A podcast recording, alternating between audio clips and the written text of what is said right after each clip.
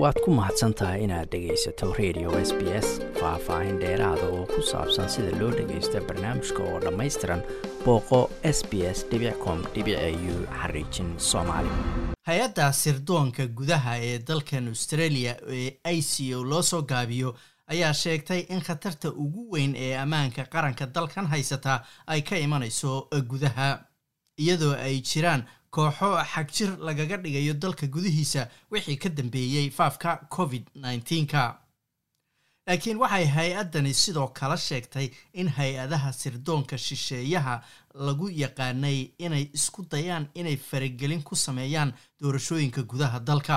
Aysiyo caadiyan ma aha hay'ad hadal badan sidoo kale laguma yaqaan inay markaasi wararkeeda iyo howlaha ay qabanayso dibadda la soo istaagto agaasimaha guud ee ico mike purges ayaa sheegay in hay'addiisa sirdoonka shaqadeedu ay tahay inay si aamusan ay ku difaacdo australia laakiin mararka qaar ay lagama maarmaan tahay inay caddayso oo bannaanka soo dhigto waxa ujeeddada hay'addani ay tahay. Khudbad uu ku qeexay waxa aco ay u aragto inay khatarta ugu weyn ku tahay amniga australia ayuu mike burges sidan ka yiri if you're in the shadows, you must be shadowy.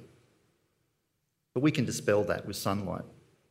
waxaana loo haystaa in haddii aanu si qarsoodiya ku shaqaynayno inay tahay inaannu isqarino laakiin waa inaan taas beenayno oo aan iftiinka u soo baxno annagoo sharaxayna cidda aan nahay waxa aan qabanno iyo muhiimadda aanu leenahay hay'ad ahaan ayuu yidhi mike burges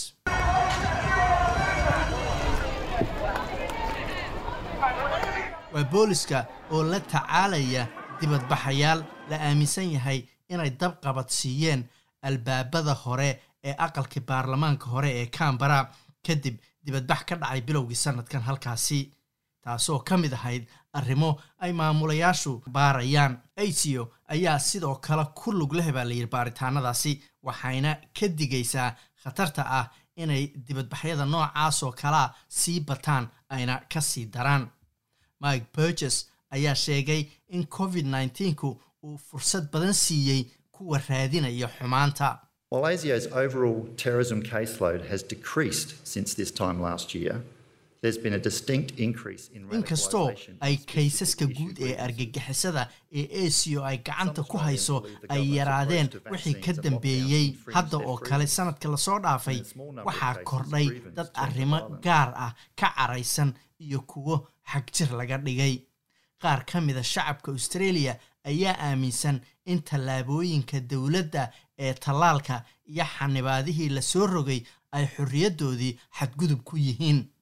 Carada ay qaarkood qabaanna ay isu beddeshay rabshad ama gacanka hadal. Aco ayaa dareemaysaa in xanibaadahaasi ay sameeyeen xaalado ammaan sababtoo ah australiyaan badan ayaa onlineka ku jiray markii faafku uu ugu darnaa More online shopping meant more cybercrime.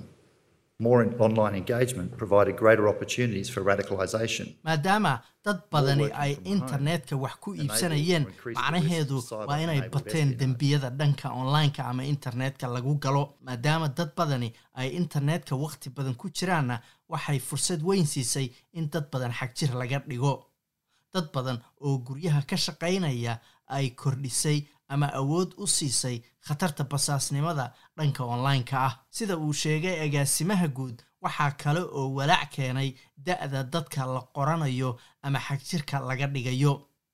Da-da dadka xagjirka laga dhigayo ayaa yaraanaysa iyadoo la xaqiijiyey inay jiraan kuwo aad u yar oo xataa saddex iyo toban jir ay ku jiraan.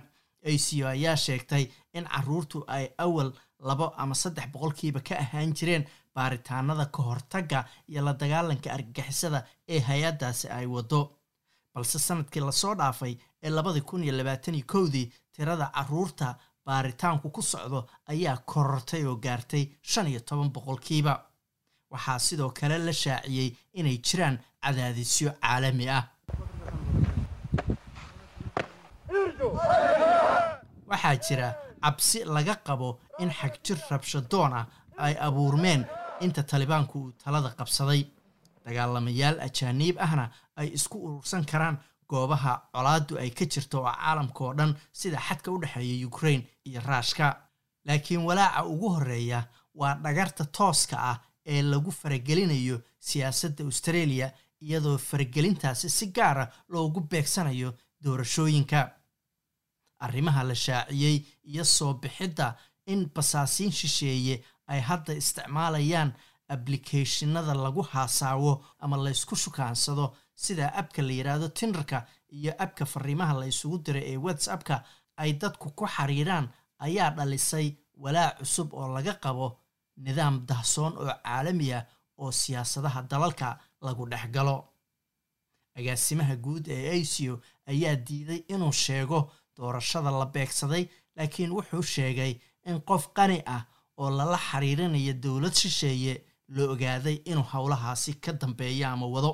Mike burges ayaa sheegay in hay'addiisu ay waxyaalo si dah furan uga hadli karto laakiin aysan shaacin karin siyaasi ay ku daba jiraan ama baaritaan ku socdo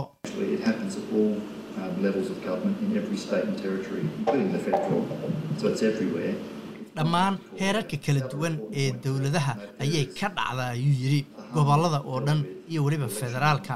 Marka meel kasta ayay ka dhici kartaa. Macno ma samaynayso inaad mid gaara farta ku fiiqdo. Arrinta kale ee muhiimka ah waa in laga hortago oo wax laga qabto oo doorashada aan la faragelin oo doorashadanu noqoto mid si amni ah u dhacda. Wasiiradda arrimaha gudaha federaalka karen andrews ayaa sheegtay in dowladda ay ka go-an tahay inay la dagaasho xagjirka iyo argagixisada gudaha ka abuurmay. Laakiin laybarka ayaa sheegay in lixdan iyo sagaal milyan oo dollar oo loo qoondeeyay la dagaalanka xagjirka tobankii sane ee u dambeeyey aysan ahayn lacag ku filan. Afhayeenada arrimaha dibadda u qaabilsan laybarka mucaaradka christina knely ayaa si cad hore u sheegtay in khatarta gudaha loo baahan yahay in si dhab ah loo wajaho.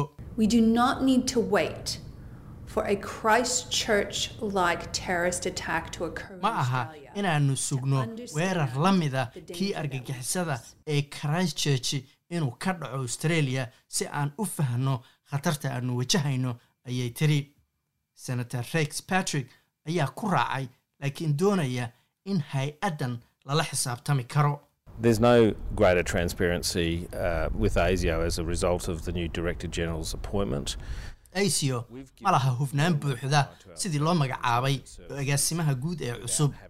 Awoodo dheeraada ayaan siinay hay'adaheenna sirdoonka innagoo aan samayn nidaamkii lagula xisaabtami lahaa.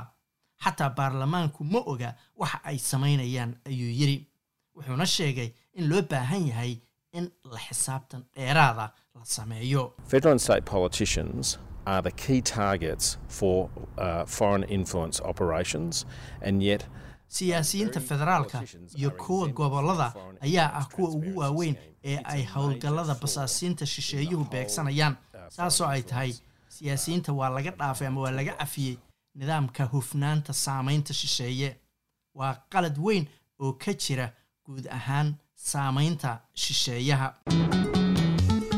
Waad ku mahadsantahay inaad dhegaysato raadiyaha s b s toos u dhegaysa barnaamijka habeenada arbacada iyo jimcada tobanka fiidnimo. Ama kaga soo cesho website-ka iyaga iyo s b s radio app. Booqo s b s com au xariijin soomaali